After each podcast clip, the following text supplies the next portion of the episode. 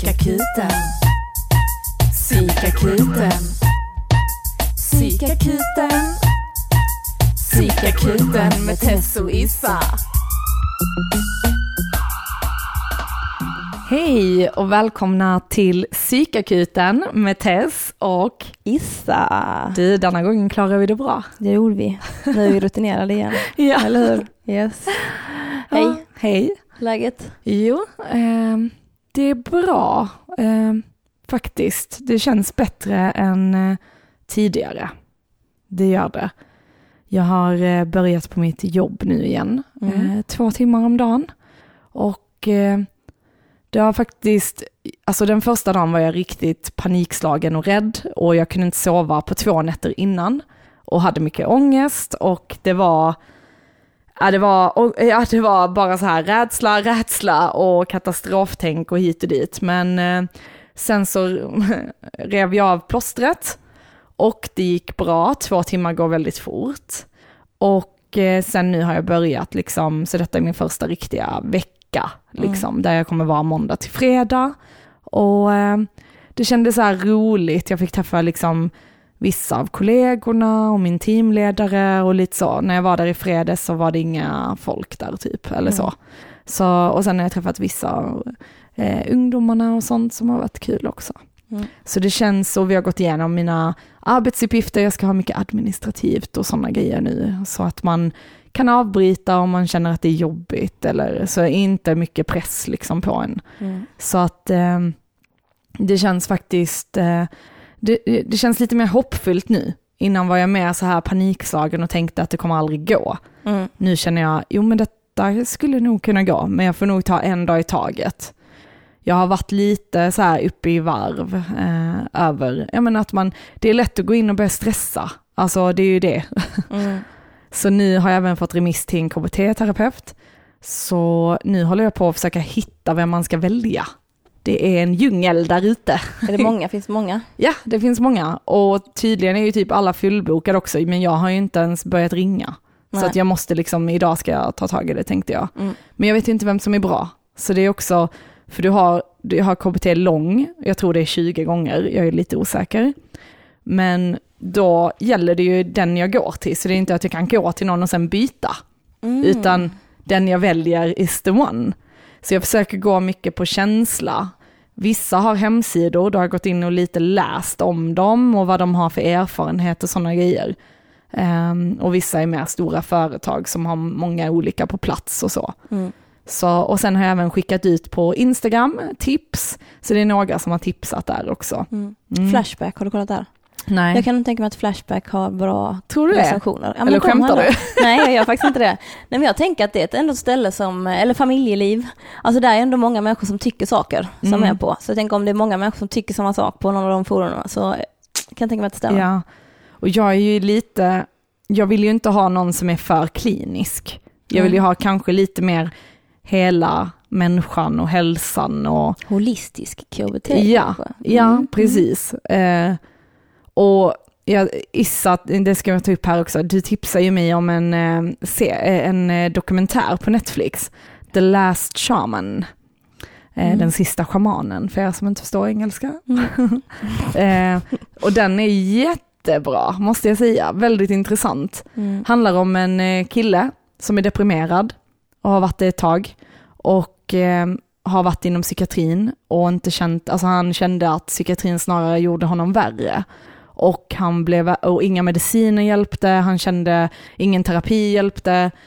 Och dokumentären inleds i princip med att han funderar på att ta sitt liv, att han ger det tio månader. Mm. Eh, för att han orkar inte, han tycker han förtjänar det. För att han, han vill inte leva så här. Han kände sig inte mänsklig, han hade inga känslor, han var helt avtrubbad.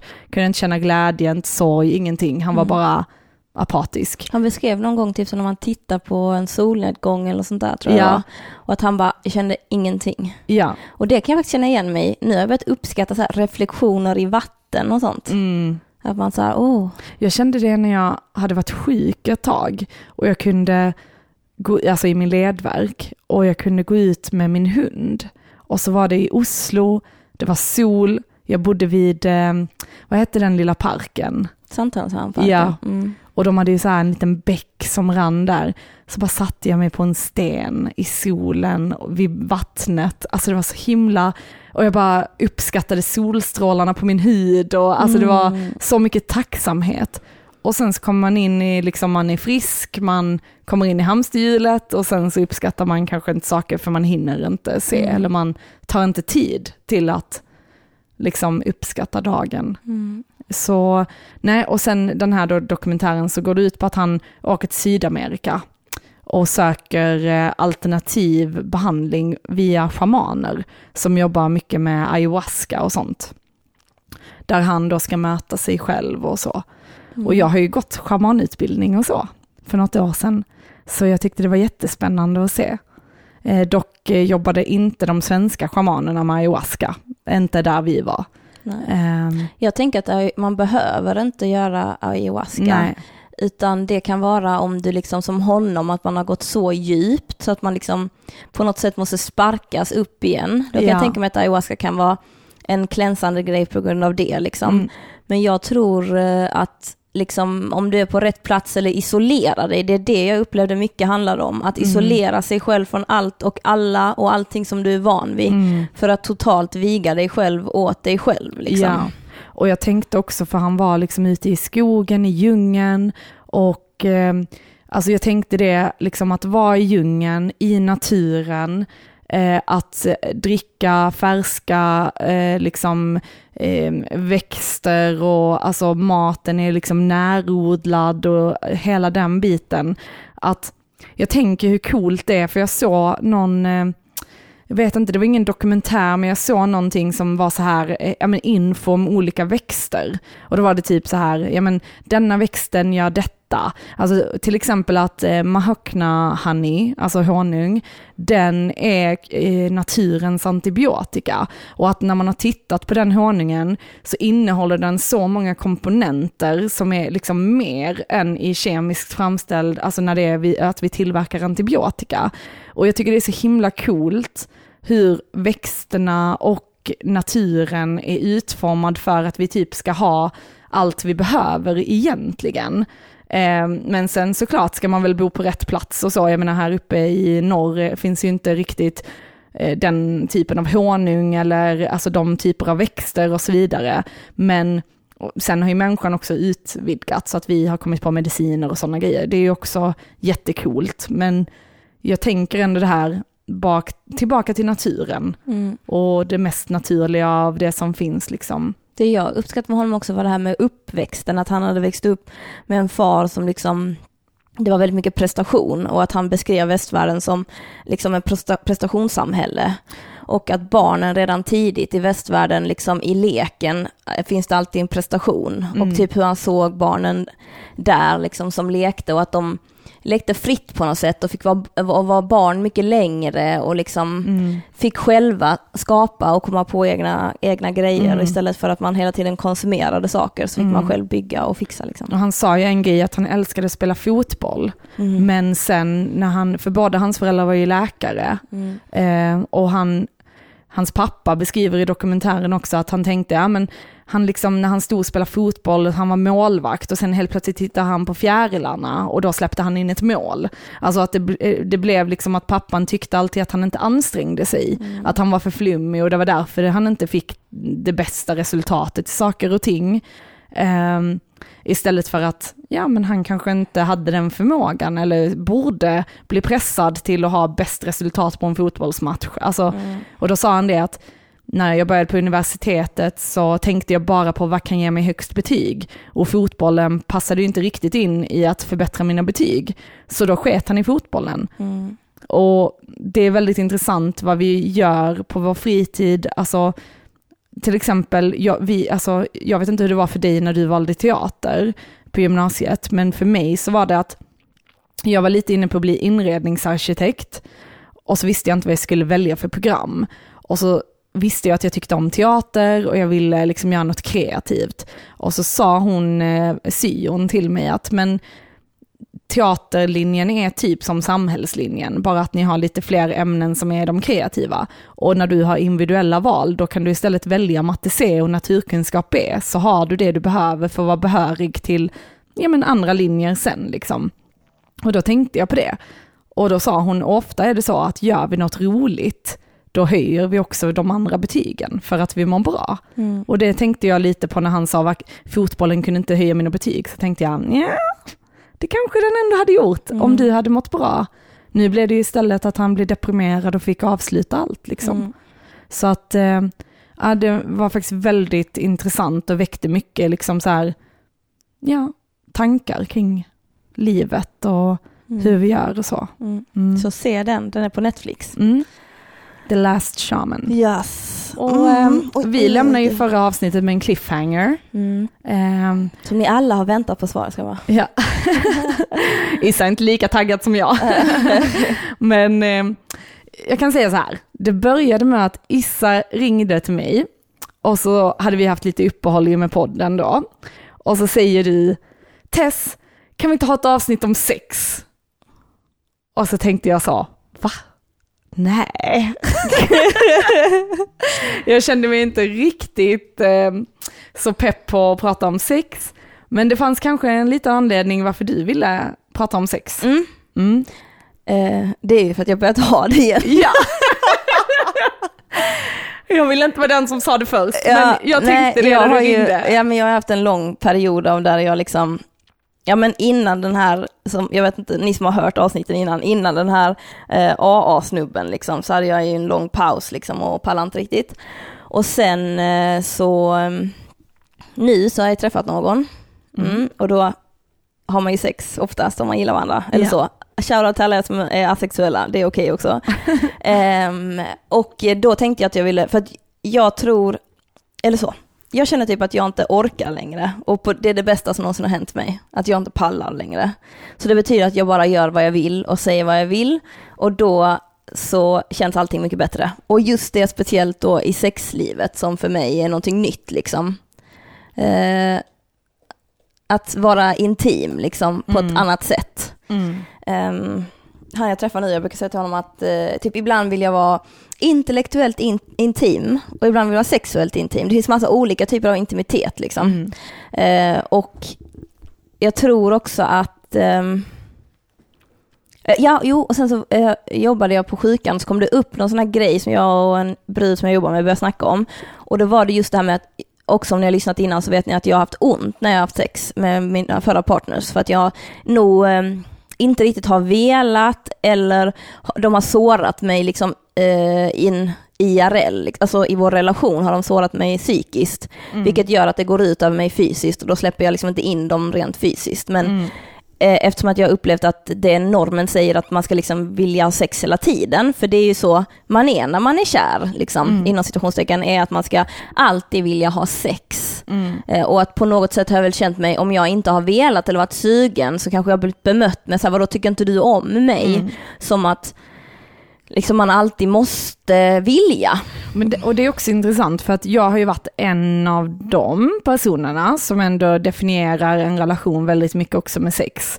Alltså jag, jag har alltid känt också att, men vadå, jag vill ju alltid ha sex. Så om inte min partner vill ha sex så har jag känt mig väldigt avvisad och det har varit jättesvårt. Jag tycker att ofta när man pratar med folk, eh, alltså särskilt så här tjejer, så tycker jag att det har varit mycket bland mina tjejkompisar att det ofta är tjejerna som vill ha sex och killarna som inte är så sugna. Alltid liksom. Och när man pratar mer i samhällsnormen så är det alltid, ja killar är så kåta och tjejer vill aldrig. Så har jag varit så, va? Nej men detta stämmer ju inte överens med mig, det stämmer inte överens med mina vänner. Och tyckte det varit så konstigt liksom. Um, sen har jag förstått nu, nu har jag ju och min partner varit ihop i sju år. Och jag tänkte för de första tre åren så låg vi ju liksom ofta. Och min partner gick ju in i väggen och blev utbränd efter ett år. Och där började ju vårt sexliv att vackla lite. Och eh, jag sökte jättemycket bekräftelse genom sex. Så om inte han ville ha sex så kände jag mig avvisad och det var ett bevis på att han inte tyckte om mig eller ville vara med mig. Eh, I mitt huvud då. Mm. Och det gjorde att vår relation fick väldigt mycket press som var att han kände väldigt mycket press på att behöva prestera.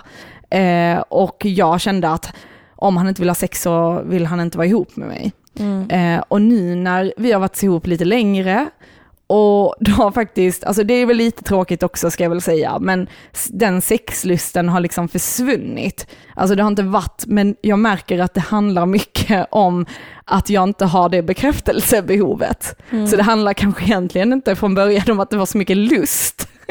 Utan det var mer en bekräftelse som jag cravade. Och nu när jag känner mig att jag är i en trygg relation, då har jag inte det bekräftelsebehovet för jag vet att han älskar mig Ja. ändå. Så då behöver det inte vara på det sättet. Mm. Och jag trodde aldrig att det skulle bli så här. Alltså för jag har aldrig varit så i en relation. Mm. Men jag har heller aldrig varit så här länge i en relation. Mm. Så det tycker jag är faktiskt väldigt spännande. Mm. Jag tänker lite som att det är liksom som en, eh, alltså som en kedja liksom. Att relationen är som en kedja som går runt. Mm. Och så här, sexet är oljan. Mm. Men man oljar inte sin kedja varje dag liksom. Det finns andra saker man måste fixa med kedjan. Det kan vara att en kugg går snett, att man har en konflikt eller vad det nu än kan Mm. vara. Liksom det känner jag typ är långvarigt så är ju det, är inte det det viktigaste. Här är det någon som snarkar här. Hallå? Snarke-Fia? Det var Tess, om man har visst ska jag, hon har somnat. Nej. Jag somnade när du pratade. Ja, nej, men eh, att på något sätt är detta helt nytt och fantastiskt för mig, för att jag kan känna typ så att jag inte, att det inte är det viktigaste. Det är viktigt, Mm. men det är inte, ingenting i en relation är det viktigaste, utan det är många olika komponenter som ska in liksom. Mm. Mm. Ehm, men ja, men att det liksom också är viktigt att man har sex, Mm. liksom. För det är en intimitetsgrej, det är något man Mm. delar. Men det jag funderar på, jag skrev faktiskt en låt om det. Förspelet börjar sekunden vi kliver ur vår säng. Mm. Mm. Att det har jag förstått mycket mer nu, att varför jag hade kanske pom-pom-problem var för att förspelet för mig är liksom hur vi agerar mot varandra, vad vi liksom, eh, hur vi, ja men vad vi pratar om, vad vi gör för varandra. Mm. Eh, snarare än typ så här att eh, du är sexig Mm. och jag tycker du är sexig så nu har vi sex. Mm. Men typ så här att om man är i en relation där man är stressad, man har inte tid för varandra, man stör sig på små saker, man tjafsar om små, typ så disken, klassisk, eh, tvätten, städning, sådana grejer. Ja, då kanske man inte har det här eh, förspelet som leder till att man är så sugen, utan istället upplever man kanske mycket frustration, man upplever att eh, man stör sig på den andra. Och då är man inte heller så jättetänd och bara, jo, kom och ta mig ikväll, utan det är lite mer så här, eh, stay away. Mm. Så att det är ju jätteintressant. Så de, ja, exakt det som din låt handlar om, det säger ju forskare också, att förspelet börjar sekunden vi går ut ur sovrummet. Mm. Och vad har hänt på hela denna veckan? Ja, jo, det har varit bråk, vi har kanske inte haft tid med varandra, vi har inte prioriterat varandra.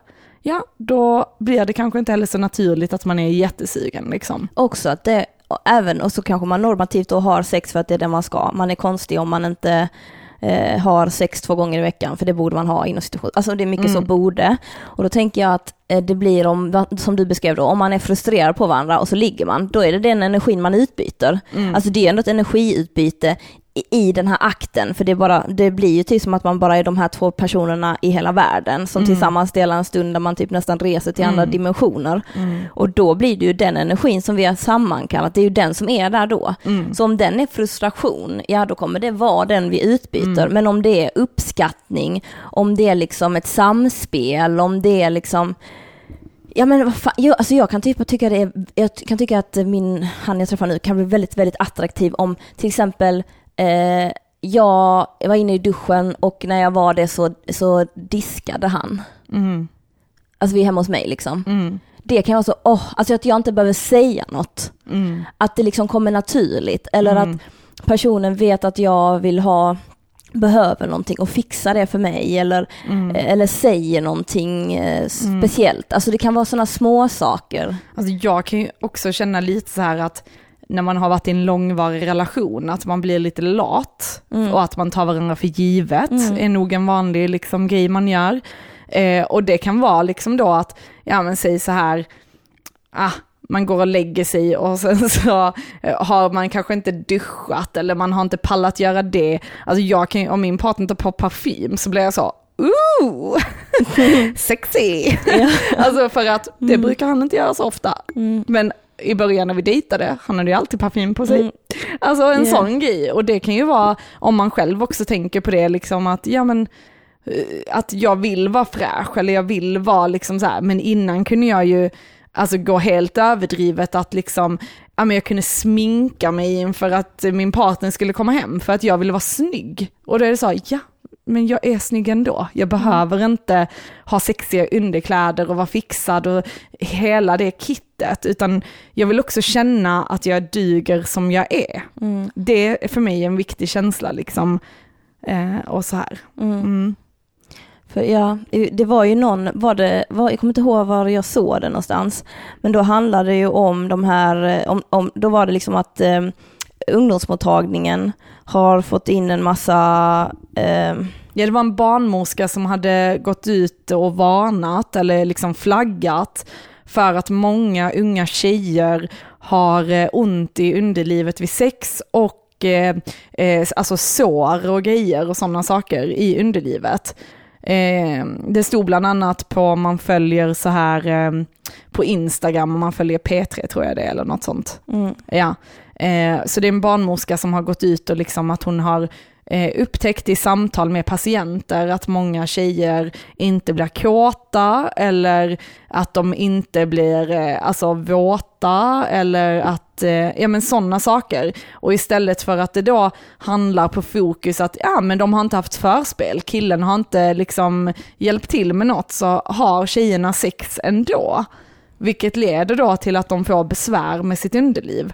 Och en av grejerna hon även berättade var att killarna gillade att tjejerna typ inte var så kåta, eh, för att det var liksom trångare. Och sen att man tryckte tjejerna på magen så att livmoderhalstappen liksom, alltså man pregar, i, alltså genom att trycka nere på magen så trycker du ihop organen.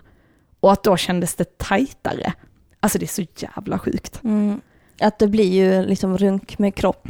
Ja, och att det då gjorde jätteont på tjejerna, men tydligen gör alla killar detta. Och då blev jag så, va? Vad är detta? Jag har aldrig varit med om detta. När började detta bli populärt?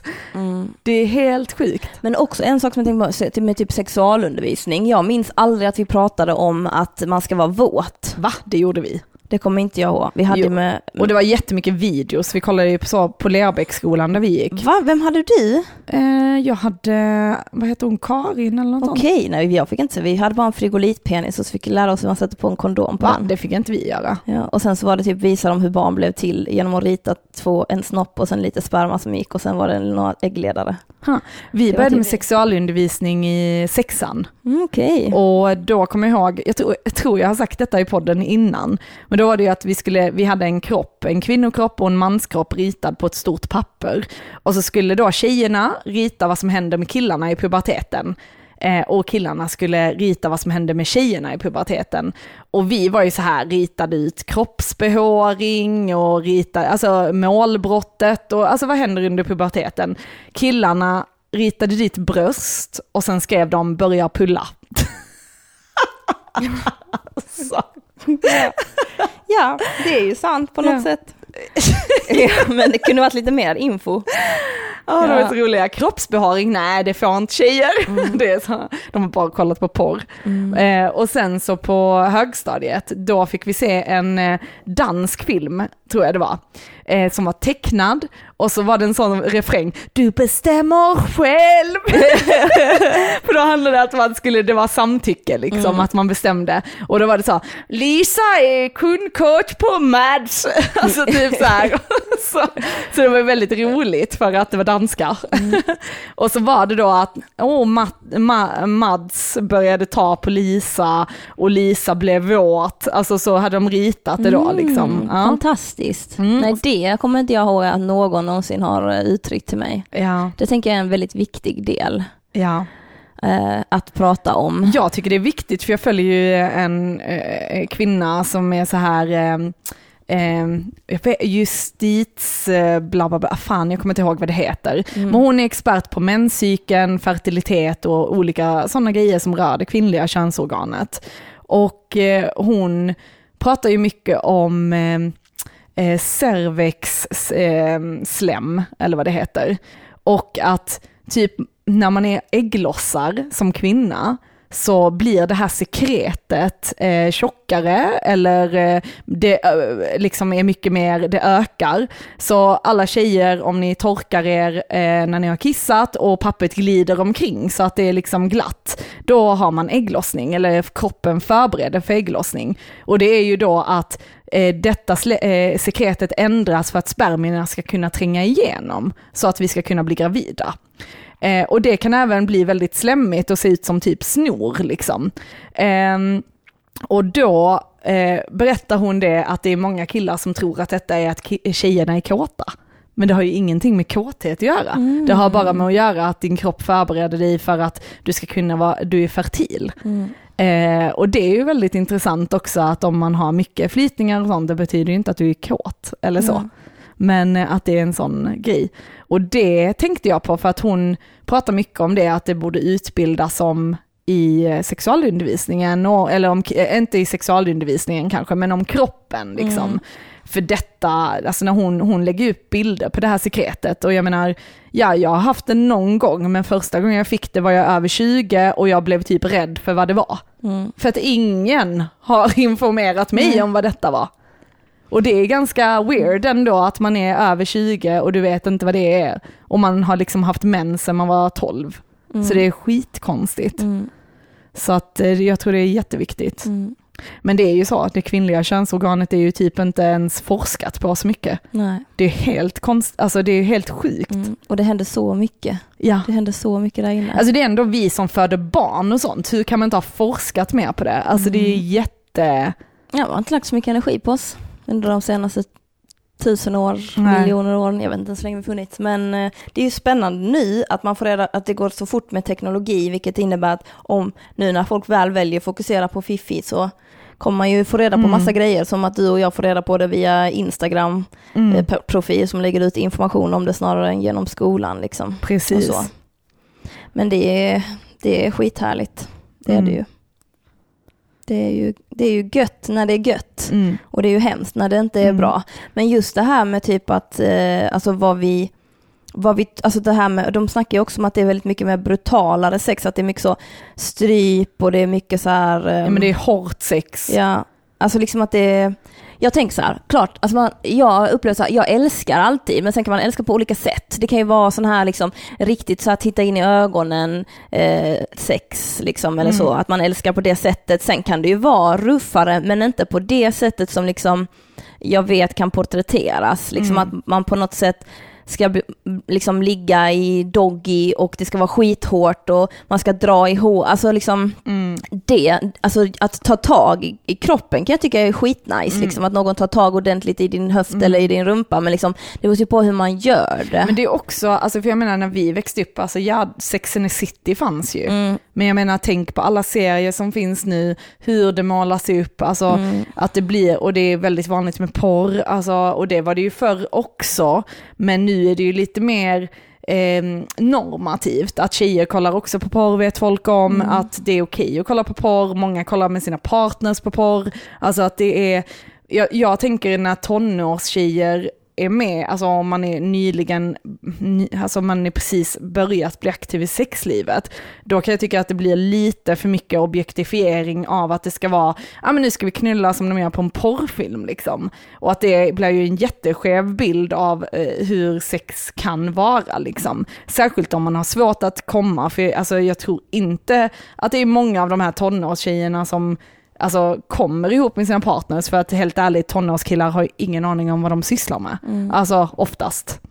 Jag tänker också typ så här som Hollywood-kärlek, liksom att det ska vara så här, man träffas och sen så är allting bra för evigt. Alltså det tänker jag också ha, har lärt mig en skev bild av vad liksom romantisk kärlek är till exempel. Och Mm. jag växte ju inte upp med porr.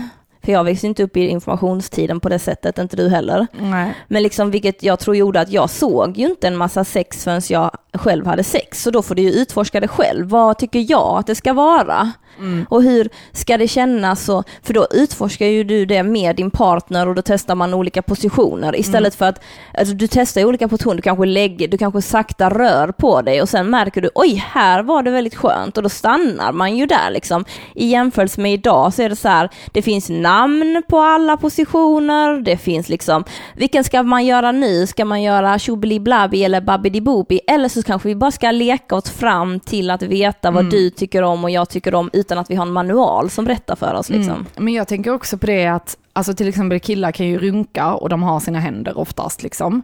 Så de har ju alltid så här, ja men de kan onanera när de vill, hur de vill och hit och dit. Medan för tjejer så har det ju mer varit så här, ja vi behöver kanske ett redskap till hjälp eller så. Eh, och där kommer jag ihåg liksom att jag känner många kompisar som inte ens äger någon vibrator liksom, och som inte heller kommer. Alltså så. Och där tänker jag också att jag undrar hur det är med tonåringar idag, eller liksom om man är early 20s, liksom, om man mer köper sexleksaker och så. För att jag kan tycka att många kopplar det till att, nej men ska man ha sex så har man sex med någon annan, du har inte sex med dig själv. Och det är precis som att eh, många, eh, ja men om de inte har en partner så blir det inte att man, alltså så här, Eh, och det tycker jag är lite tråkigt för jag tror att det är väldigt bra att utforska. Jag själv skulle liksom inte klara mig utan något redskap där, eller om jag inte har en kille liksom, eller så. Mm. Men eh, det är för jag är kass på sånt va, jag är lat. men, eh, men Eh, ja du förstår vad jag menar, Ja, och ja. det tycker jag är lite så här, för nu tänker jag ju på mina vänner och de är ju ändå 30-årsåldern. Så att jag tänker att de som är 20-årsåldern kanske det är, alltså där är det mer accepterat att alla äger en vibrator till Mm. exempel. Men jag tycker det är viktigt att ta bort skammen kring det att liksom, har du inte kommit med en vibrator, köp en, testa det. Mm. Alltså för fan. verkligen. Liksom, ja, unna dig. jag, jag gav en, eh, min, eh, jag hade en kompis som inte hade en vibrator. Och så tyckte jag var så roligt, för då snackade med jag bara, vadå onanerar du inte? Bara, Nej, vadå liksom? Och då jag bara, eh, vi måste, behöver lösa det här problemet. Du har och missat sen, något. Typ för, eh, efter några månader så, vill, så hade hon lånat en jacka av mig som jag inte använde längre när hon hälsade på mig. Så tänkte jag, men hon kan få den av mig för jag använder ju fan aldrig den. Så då eh, beställde jag en eh, vibrator och så satte jag den liksom i fickan av jackan. Och sen så skickade jag upp jackan till henne och skrev så, ja du gillade ju jackan så himla mycket så här får du den. Och sen sa jag så, sen finns det en liten surprise i jackfickan åt dig. Och jag skrev så här, jag har satt i ett batteri så det är bara att köra. Och sen så hade hon, är lite rätt pryd så jag har inte pratat med henne på ett tag. Så jag bara, ja vad tyckte du om jackan då? Och hon bara, jo den är jättefin på. Jag bara, och vad tyckte du om det i fickan då? Hon bara, det är jävligt bra, det är jävligt bra. Och jag bara, fan vad nice, vad kul att höra. Alltså, men för jag, min första vibrator fick jag av någon. Mm, Det är en väldigt fin gåva att ge någon. Mm, Hur gammal var du då? När jag fick den, Ja, 21. ja. Mm. Vi, eh, vi, jag kommer ihåg att jag och två tjejkompisar gick till en sexbutik och så köpte vi varsin eh, sån här vibrator liksom. Men då var det, det var en, alltså formad som en, alltså det var en dildo liksom. Mm. Eh, och eh, jag kommer ihåg att den var vit. Och sen så var det batterier inuti den liksom. Men alltså, och då när man skulle testa, det var ju, alltså det var ju inte, det gick ju inte att köra in den någonstans. alltså det var, alltså så här. Men, eh, så det var lite så här, vi var 15 då och tyckte det var så här skitspännande och bara gud vad kul. Och sen så var det så, "Ha- har du använt Mr White? Nej, inte än. Men det var lite fail på den liksom. Men eh, sen så har jag också liksom eh, gjort sådana grejer mycket med partners och sånt och det tycker jag är kul. Ehm, ja. Ja men och det är också en sån grej som jag kan, alltså så här med ego kring att man ska vara bra i sängen och sånt. Liksom att vissa, vissa, har, vissa kan komma genom att någon bara tar på dem med handen, vissa kan, in, eh, liksom kan inte komma, vissa kan komma av penetrationssex, vissa kan inte. Men liksom om man då som person vet att liksom använder vibrator och vet att det funkar för en. Alltså be då den du ligger med använda den på dig kanske. Att den ska bestämma takten, det kan ju vara en nice grej. Eller liksom att ni under akten lägger till den. Och det kräver liksom, jag har förstått nu att det kräver liksom rätt mycket av den, alltså och den som då är partnern. Så vi säger att jag säger så, nej men skulle vi kunna använda vibrator? Då har jag upplevt att det kanske ibland är så här, är inte jag bra nog? Ja. Men det är ju inte heller Nej, det. det är du inte. Det var så här, jag är inte en eh, beställningsvara. Du kan inte bara pumpa mig 15 gånger Mm. och så ska jag bara åh gud jag kommer överallt. Alltså det behöver inte vara så för Mm. alla. Och då är det ju mer så här, hela poängen är ju att vi ska ha, det- göra det skönt för varandra. Ja. Så nu berättar jag för dig. Hur du för kan hjälpa inte- mig att det göra det kommer skönt. kanske ta 15 år för dig att fatta det, Ja. för det kanske tog mig tre att förstå Ja. det om mig själv. Men jag tänker också så här, för jag, jag kan vara väldigt olika där liksom. Ehm, och jag kan känna liksom att om man har en vibrator till förspelet, så att ja men då kan man komma någon gång i början med den och sen så är man ready to go för det andra. Men jag kan också uppleva att det har blivit kanske ibland att den reaktionen, att man känner att man inte är tillräcklig själv liksom. Och ja, alltså jag kan tänka också, tänka om killarna hade tagit fram så här en, en eh, sån här eh, plastfitta liksom och bara, kan jag bara få knulla denna lite medan eh, vi har förspel? och sen kör vi äkta vara, det hade också känts så, va? Varför vill du ha den när det äkta ligger här bredvid liksom? Ja. Men, det är väl alltså att handen, den kan inte röra sig så som vibratorn kan. Nej. Alltså då måste du Tungan Liksom kan inte röra bara, sig. ah, jävlar vad snabbt du måste göra det då. Det måste Ja vara men också att det måste vara rätt touch. Alltså Ja. är det, antingen är det för lätt eller så är det för hårt eller så är det liksom att man Mm. inte känner, för att det är ju skitsvårt, alltså det avundas jag ju, alltså både eh, tjejer och killar som går ner eller alltså så här tillfredsställer kvinnor. Det måste vara så jävla svårt, tänker jag, rent Mm. spontant. Sen kanske de säger, ah, men det verkar vara skitsvårt att tillfredsställa en kille, jag vet inte. Men Ja. jag tänker Jo att... men det, det är det ju, alltså jag tror att det är mer avancerat med kvinnan. Ja. Eh, det, alltså, känns som vi snoppen är där snoppen är. ja men vi är mer komplexa känns det som ändå. Ja.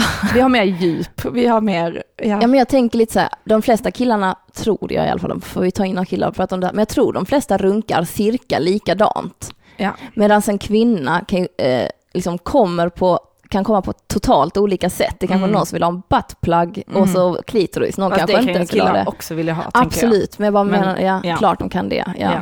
Men Glöm inte säga det då hörni om ni vill ha det. ja. Jag vet att det kan vara känsligt med rumpestumpen med män, men liksom try it, you'll enjoy it. det är så roligt. Det är jättekul. Vissa, vissa killar är så himla skambelagda när Ja. det gäller så.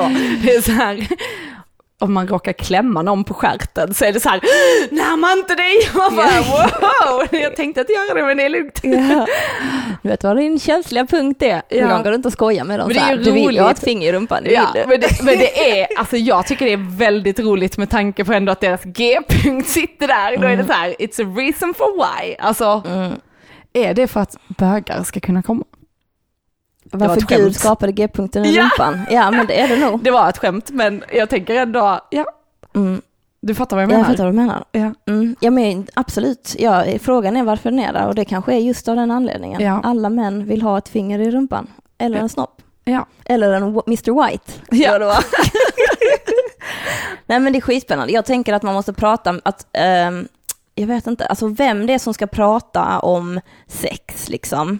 Om det, du vet som när man var liten så var det på Lerbäcksdansen, kommer du ihåg den? vi gick på en högstadieskola. Då Alltså dansade balen, man. eller? Ja, då dansade man. Eh, Vi hade alltid en, Lerbecksdansen. Ja, men, lyssna, jag, har, något jag, har en poäng, jag har en poäng, den var fattig, den var helt fet. Alltså då gick ju ettan och höll handen med en nia och sen när man gick i tvåan höll man handen med en åtta och så gick det så här. Så Fy, man vad är detta alltid, för pedogrejer? du var med och dansade detta, du gick ju fan på skolan. Du, du, du, du, du, Vadå du, du, line du. dansen? Ja, vi hade line dansen och sen gick man och, och så höll Detta man var händerna. inte balen alltså? Nej, Nej, detta okej, var ja. den årliga dansen innan sommaravslutningen. Så hade Marianne Tyrann, som vi Ja. kallar henne, Gympalan, hon höll ju i detta. Ja, just det. Och då blev det att man till slut bildade en hel ring, så hela skolan var en gigantisk ring där vi höll händerna. Okej. Mm. Och då tänkte jag på det liksom att om till exempel man går i åttan, då kanske någon trea från gymnasiet kan komma och informera, alltså någon som är liksom, kan anmäla sig som är relativt sexuellt aktiv, liksom, Mm. anmäla sig för att prata med någon som kan, eller till och med folk som går i sjuan. Mm, mm. Att man utnyttjar liksom att folk går i skolan, för att jag tror att för mig hade jag på något sätt kunnat ta in mer om personen bara var sex år äldre än mig eller fyra år äldre än är, mig. ju- ja, för det är jätteawkward. Alltså jag tänker det är awkward om ens föräldrar pratar om det. Det är awkward om ens eh, lärare pratar om det. Eh, och det brukar också vara awkward om man sitter i stora grupper. Alltså till exempel vi sitter i helklass och Mm. kollar på tecknad porr. Ja, folk kommer skratta. Folk kommer, alltså så här. Så att jag håller med dig där, att absolut om någon hade varit lite yngre liksom och så. Mm. Mm. Att det kunde vara att de, de kunde prata med en om det, liksom. Mm. kanske till och med någon som är 20, Ja. Liksom behöver inte ens vara gymnasieelev. Mm. Men att den personen kommer dit och snackar om lite olika grejer liksom. Mm. Eh, att man kan kanske känna en starkare liksom, vilja, alltså jag tänker lite som konfirmations, eh, konfirmand och konfirmationsledarrelationen. Mm. Det är liksom bara några år mellan där så man kan liksom förstå varandra på ett annat sätt. Och jag tänker det, alltså typ så här om vi pratar med våra ungdomar om sex och sådana grejer i liksom arbete med dem. Det är ju jätteviktigt, alltså särskilt nu med hbtq och liksom olika sådana grejer. Och där kan jag också märka att det är många som, ja men så här, många tjejer som inte har någon aning om att man ska kissa efter man har haft sex, för annars får man urinvägsinfektion. Och det är så här, så tänkte jag på det, när lärde jag mig det?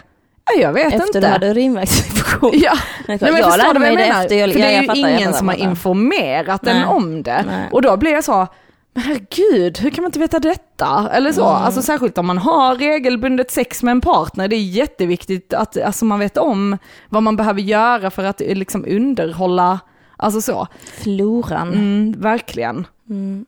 Så sånt är spännande. Mm. Men det är intressant när man typ så på, jag upplever på något sätt att jag fått lära mig lära om det liksom. Mm. Att min långvariga första sexuella relation var liksom inte bra. Mm. Och på något sätt så sitter den jättemycket kvar i mig. Mm. Alltså liksom att jag kan känna att jag har, alltså liksom så, jag har lite svårt för då om, att veta om jag, om jag, alltså jag vill att det ska vara ett absolut ja.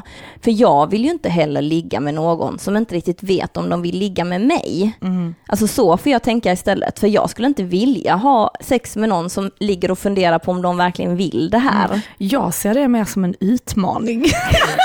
För du är sån jävla tjatsex. ja. Nej, jag vet inte varför. Nej. Nej, men på ett sätt kan det väl vara en utmaning att kåta upp den andra. Jag vill fan att du ska bli... För det är en annan sak. Jag, jag vill få dig att ja, bli kåt. Exakt. Det Sen är när en vill grej. så känner jag så. Ja. Nej men alltså det är ju en grej, men att inte bry sig om att den andra ska vara kåt för att jag vill ha sex. Jag vill ha sex, jag bryr mig inte om du är kåt. Det är Ja. ju en helt annan femma. Ja, ja. Men att då tänker jag ofta, du vet när man är med en partner och man börjar bli sugen, det är inte som att man bara drar ner den byxa och sätter sig på personen, Mm. utan då får du ju börja initiera. Det är ju du som är kåt. Så du har Vi redan pratade- kommit en väg, då får du liksom passa, då får du passa över bollen och börja bolla och Mm. bolla tills den personen är på samma nivå och då Mm. så kan liksom Alltså vi pratade, vi var, jag pratade med en killkompis om övergrepp. Och då pratade vi lite, ja, ni vet som man brukar göra Ja. sådär. Nej men, då, och då pratade vi om, eh, för vi, vi har en gemensam vän som liksom, eh, eh, eller några gemensamma vänner som har varit inblandade och det har varit lite så här, ah, är det ett övergrepp, är det inte ett övergrepp? Alltså lite så här. Lite Ja, men då sa han det så här, ja men jag tror mycket väl, för då handlar det mellan en kille och en tjej. Och då eh, menar han eh, att ha- han sa, för jag sa så, ja men tror du verkligen att, alltså för min teori i detta är mer att eh, tjejen har velat men sen dagen efter har hon ångrat sig. Och då har det blivit mer en sån här, du gick över mina gränser. Alltså, men att i stundens hetta om eh, man var full eller om man var, alltså att man var sugen men att sen, nu, nu handlar inte detta om ett fullbordat samlag utan mer så här touchy, eh, ja. Och då så, så menar jag på att när du rör... Touchy, ja, nej men så här, om man till exempel inleder sex så brukar det ju vara som du säger att man börjar röra på varandra och man försöker korta upp den andra. Och eh, i den uppkortningen, om då killen känner så, ja men ta lite på kroppen, ta lite på rumpan, ta på brösten, handen glider ner mot eh, fiffin. Och sen så kanske tjejen tar upp handen och bara nej, men jag vill inte.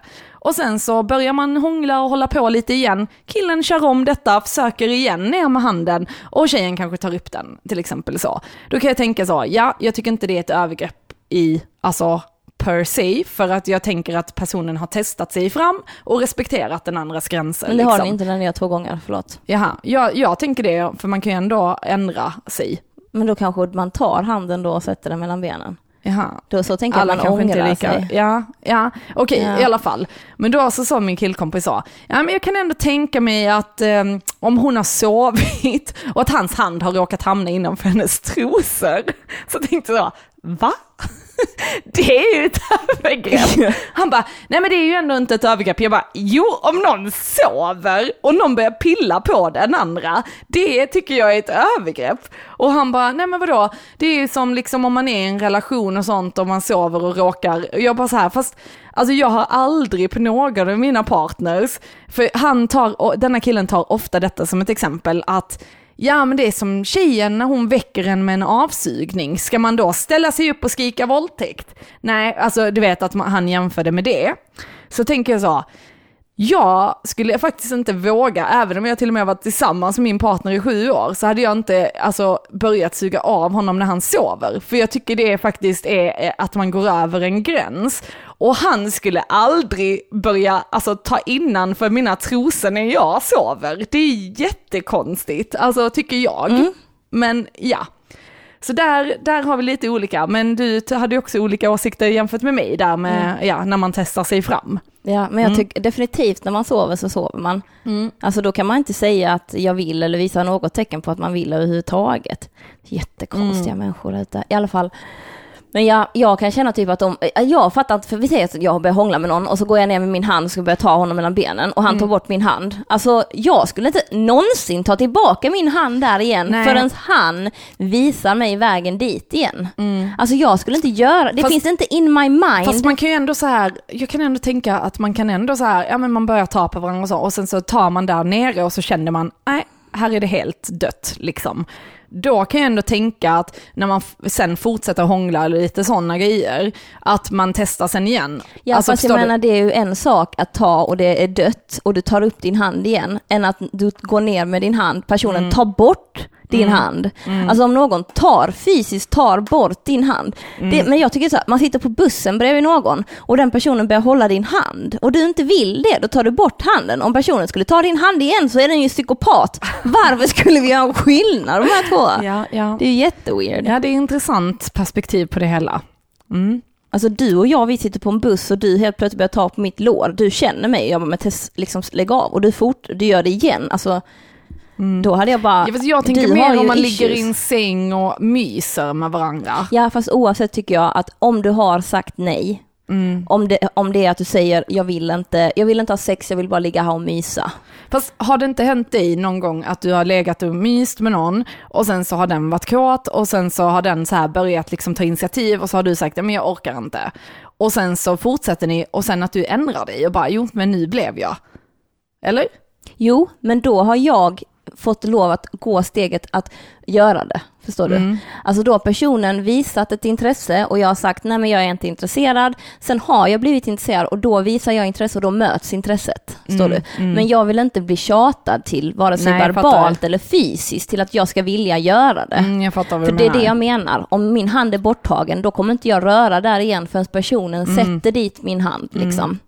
Mm, och jag då menar jag under en akt. Mm. Och sen nästa gång kanske detta händer igen för man läser av varandra fel. Mm. Jag trodde vi var på väg att ha sex, men du ville bara hångla. Okej. Jag har också varit i situationer där jag är kåt men jag får inte, jag får inte min önskan granted. Då får jag ju köpa det. Mm. Alltså jag har ju varit tillsammans med en individ som jag inte aldrig ville ha sex. Mm. Och jag köpte det så jävla mycket. Och då kunde det vara tillfällen där jag, där den här personen tog upp det med mig och frågade om jag blev sårad av det. Och då sa jag ja, för att jag önskar ju att du skulle vilja göra det med mig. Och då säger den här personen, alltså jag vill inte, men om du vill så kan vi göra det nu. Mm. Alltså det är inte som att jag bara, let's go then! Alltså det är ju inte, det är ju ingen liksom. Men det är lite så här, ja men nu får du vad du vill. Ja fast jag får ju inte det riktigt på det sättet jag hade velat. Alltså jag vill ju att du ska vilja. Ja. Alltså jag förstår inte det. Klart att man vill att den andra personen ska vilja ha sex med Ja. en. Om du, inte, om du inte bryr dig om att någon som du ligger med vill ligga med dig, då har du feta fucking problem. Mm. Ja. Då borde du söka terapi. Jag började bråka med en kille, detta var eh, många år sedan, men då var det att vi liksom myste och så när det kom till sexakten så ville jag inte. Och det hände, alltså det hände en gång liksom när vi var hemma hos honom, en gång hemma hos mig. Och då var det att han- han blev ju skitsur. Och det är den enda gången jag har varit med om att en kille har blivit sur eller så. Och då blev jag så jävla lack, för jag bara så här, Menar du på allvar att du vill ha sex med mig när, inte, när, inte, när du vet att jag inte vill? Alltså jag var så jävla förbannad. Alltså, och där tycker jag så himla synd om människor som inte vågar säga ifrån, utan att man då bara, ah okej skitsamma, alltså och kör den. För att jag tror att det, det blir, alltså jag, jag har varit med om en gång, alltså med ett one night stand, att jag låg, alltså och då var jag full också, och då, då kändes det som att det har gått för långt. Alltså jag kunde inte, jag kunde avbrytit avbrutit det, men det kändes så, skitsamma, vi har det. Och den gången, alltså jag mådde så dåligt över mig själv. Och jag har så många tjejkompisar som har gjort detta i alla sina år som sexuellt aktiva. Och jag var med om det en gång och tyckte det var, oh, detta var, alltså och jag tror det sätter sina spår och det visar sig särskilt när man har nära relationer till andra sexuellt. Mm. Mm. Det kommer ju komma upp igen då. Ja. Det kommer ju trigga dig, för du Ja. har ju alltid du har haft en upplevelse sen innan. Men jag tänker också det handlar om att alltså den andra kanske inte respekterar dig Mm. genom att göra så, men det är ditt ansvar att respektera dig själv. Mm. Att lyssna in till din kropp, vad är det jag vill liksom. Mm. Jag har absolut inte varit bra på det, Mm. men hela min kropp lärde ju mig en jävligt hård läxa Mm. i att du måste göra detta, du måste, alltså om det är något som vägleder mig genom mitt liv så är det min fiffi. Mm. Alltså hon vet allt. Hon vet om jag har jobbat för mycket, hon vet om jag behöver träna, hon vet allt. Mm. Om jag liksom äter bra, tränar, jobbar lagom, gör vad jag vill med mitt liv. Alltså hon mår så bra. Vi Mm. har en så fantastisk relation. Sekunden jag gör någonting jag är osäker på att jag ska göra, så får jag en imbalans i mitt underliv. Och det är också intressant för det finns även ett konto på Instagram som heter Mina biverkningar tror jag. Mm. Som handlar om biverkningar på preventivmedel. Och det är också väldigt intressant för då är det så här tjejer som har, ja men till exempel att de sätter in en spiral. Och eh, det står, ja men hormonspiraler eh, är ju att de ska verka lokalt men de påverkar ju alla hormoner i kroppen och så vidare. Och så är det att eh, kvinnor får biverkningar och så går de till barnmorskorna eller liksom till vården och berättar men detta har hänt, detta var inte innan jag satte in det här preventivmedlet. Och de svarar nej men det är fullt normalt eller så. Och jag tänker på det just med normalt, att, att någonting är normalt, det innebär att många människor upplever det. Det innebär inte att det är friskt. Mm. Eh, och det är väldigt stor skillnad på om något är normalt eller om något är friskt. Och när de sen tar ut sina preventivmedel så visar det sig att alla besvären försvinner. Men att fortfarande att vården då bara nej men du ska ha flytningar med blod i eller nej du ska ha det här eller nej det ska göra ont eller du ska ha, alltså och det är så himla sjukt att man nekar att preventivmedel typ ger biverkningar utan det är så här nej men detta ska vara bra. Du vet ju med din eh, kopparspiral Mm hur mycket biverkningar du fick av den. Och den ska ju vara den som man inte får några biverkningar av, utan Ja. mer mens och lite mer mensvärk. Precis. Men det är ju en sån, sån grej nu när jag träffat den här mannen, liksom att jag har tänkt så, ja men vi kanske, jag kanske borde skaffa något preventivmedel nu. Jag vet inte ens när jag gick på preventivmedel sist. Mm. Jag tog ut min spiral för två, ett och ett halvt år sedan tror jag. Ja, jag röstar på nej. Jag röstade också på nej. Ja. För då har jag varit så här, jo men ändå liksom, det kan Mm. ändå vara så. Eh, så, och då har vi snackat om det och då tänkte jag ja men jag kan nog testa p-piller igen. Men sen tänk, alltså, men för, du vet man glömmer bort hur man mådde då. Ja, ja, ja. Man glömmer bort hur det var. Och nu känner jag bara igen så, det blir nog inget med det alltså. Nej. Det Och finns är, ingenting finns- som jag känner att jag liksom är, är redo att göra. Och jag tycker inte att det är så jävla bull att använda kondom. Jag har liksom, jag kan förstå, alltså så här, det verkar ju Alltså jag tänker så här, det har varit en grej ifall ens partner liksom hade, en, hade en allergi och att den personen eh, liksom absolut inte kunde komma om den hade kondom. Men om inte situationen ser ut så, så tycker inte Men- jag att det liksom är nog att offra. Nej, och sen tänker jag också så här, för jag tänker, alltså fertilitet, det är ett tecken på hälsa. Och har du en normal menscykel där du har mens varje månad, du ägglossar och liksom då är det ett tecken på att du, din kropp mår bra. Och det kommer, alltså det är en normal cykellängd och hit och dit. Och då tänker jag så här, vilka är dina fertila dagar? Jo, det är fem dagar på en månad. De fem dagarna kan man avstå från att ha sex eller ha sex med kondom. De andra dagarna kan man ha sex utan kondom för att du är inte fertil. Tess pratar om dra ut-metoden nu. Ja, alla precis. är- ja, d- nej, alltså jag menar att du kan ha sex och komma Okej, i personen. du tänker alltså om, så. Mm. Ja, om du inte är fertil. Men då Jag gäller bara, det... jag skulle nog inte göra det. Nej, jag- jag uppmanar, alltså nu är det ju inte så här att jag sitter och uppmanar Tess vill folk. att Sverige ska ha fler barn, Nej. så hon uppmanar. Nej, men jag vill bara informera att det finns sådana sätt också. ja. Alltså så man kan ju gå på så här natural cycles och ta Mm. tempen, du kan kolla på ditt sekret, är jag fertil? Alltså sådana grejer. Mm. Och det får man kanske göra någon månad så man kommer i fas och man har koll på det innan man börjar liksom eh, Mm. ha sex hela tiden. Det kräver ju också att du har en, en mens som är kontinuerlig. Ja, och det har inte jag. Nej, då är kan det, är kanske vara lite min svårt. Issue, att jag, har, jag kan liksom inte säga så här. Men jag vet att när det kommer blod så har jag inte det. Men det är ju liksom Ja. kul att bara, det enda tillfället som vi kan köra oskyddat det är när jag blöder. Men Det där kanske du också ska fokusera på alltså, att ta reda på varför du kanske inte ägglossar varje jag månad tror och att det är sånt. för att jag har varit stressad hela mitt liv. Hela ditt liv? Hela mitt liv. Alltså sen jag fick mensen tror jag varit det. För jag, Oj. alltså jag har fått så här var tredje månad, en gång per år, Mm. var sjätte månad. Och nu när jag liksom, sen jag liksom kom ur min depp och känner att jag lever livet så som jag Mm, önskar, mm. så har jag börjat få det en gång i månaden och det är helt sinnessjukt att jag får det, och nu har jag till och med en app. Mm. Och jag får det nästan nu när jag ska enligt appen, alltså i en cykel Ja, ja. liksom. Så att det har ju, Det är jättebra. ja så saker Men har jag ändrats. läste även om, vilket är väldigt intressant, det här med kaffe. Mm. Som jag tycker är så sjukt spännande. Att tydligen, alltså så här, att många studier som görs, görs ju på män. Och det tar ju inte hänsyn till kvinnans kropp, för vi är ju helt andra biologiska varelser Mm. liksom. Ehm, och då handlar kaffet om att det ofta alltså, ger kvinnor PMS, mensvärk, eh, PCO, alltså olika typer av symptom som gör att vi inte mår bra. Och att när kvinnor då utesluter kaffe, jag har faktiskt börjat testa detta, ska jag informera er om. Eh, så nu sitter jag och min mens har kommit igång och nu så ska jag se om jag får mensvärk, för nu är det fyra månader utan kaffe tror jag. Och eh, där skriver folk in eh, till eh, hon Wolverine på Instagram, alltså denna kvinnan har lärt mig så mycket om min kropp, det är helt sjukt. Men då är det att Eh, att många skriver liksom att ja men jag ägglossade inte eller liknande men den har kommit igång och likadant om man är vegan och vegetarian sen flera år tillbaka att man kan ha mycket symptom och problem med mensvärk och PMS och sådana saker. Och det är jättespännande, alltså för jag har inte fattat att jaha, det påverkar kroppen så pass mycket.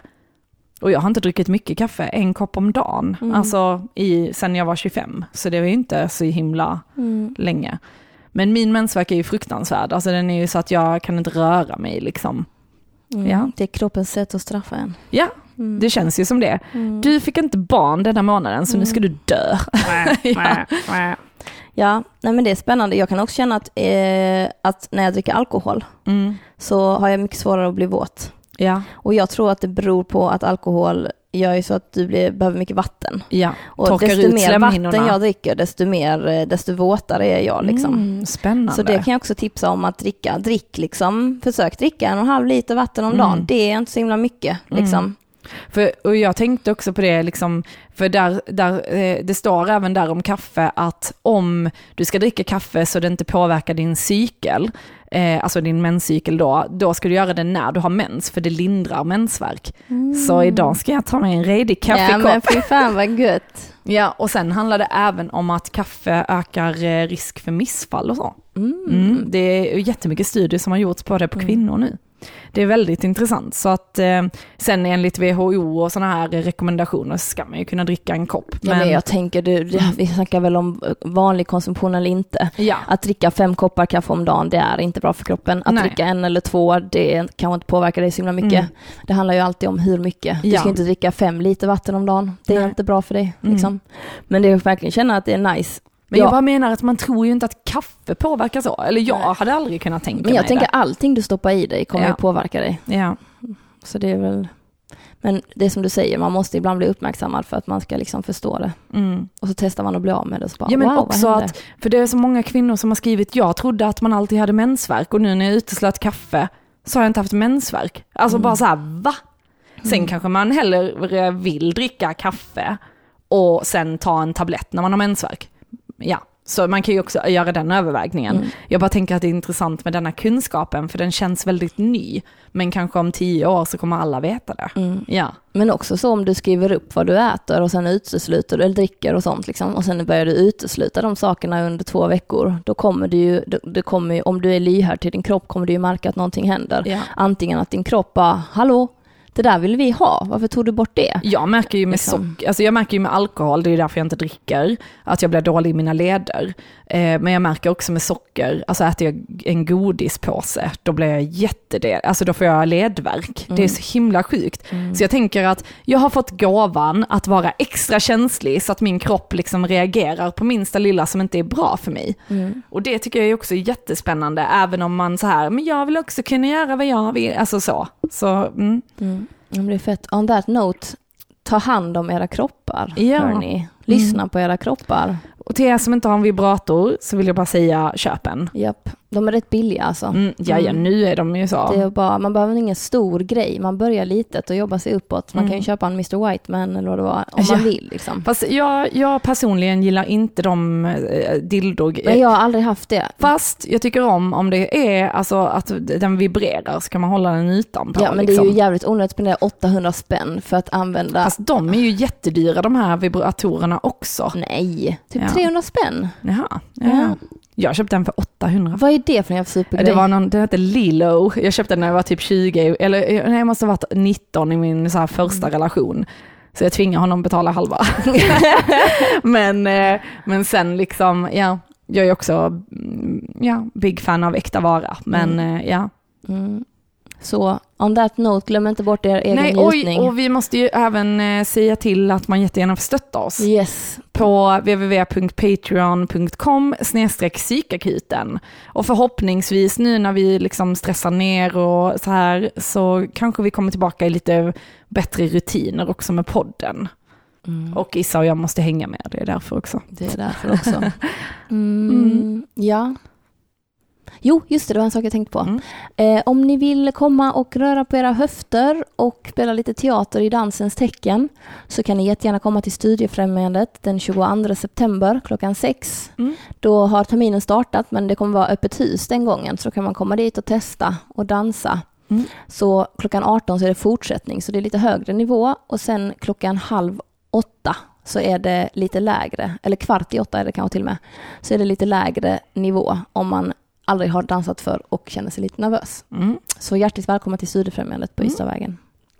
Tack så mycket. Mm. Mhm. Vi ses och hörs. Det gör vi. Hej då.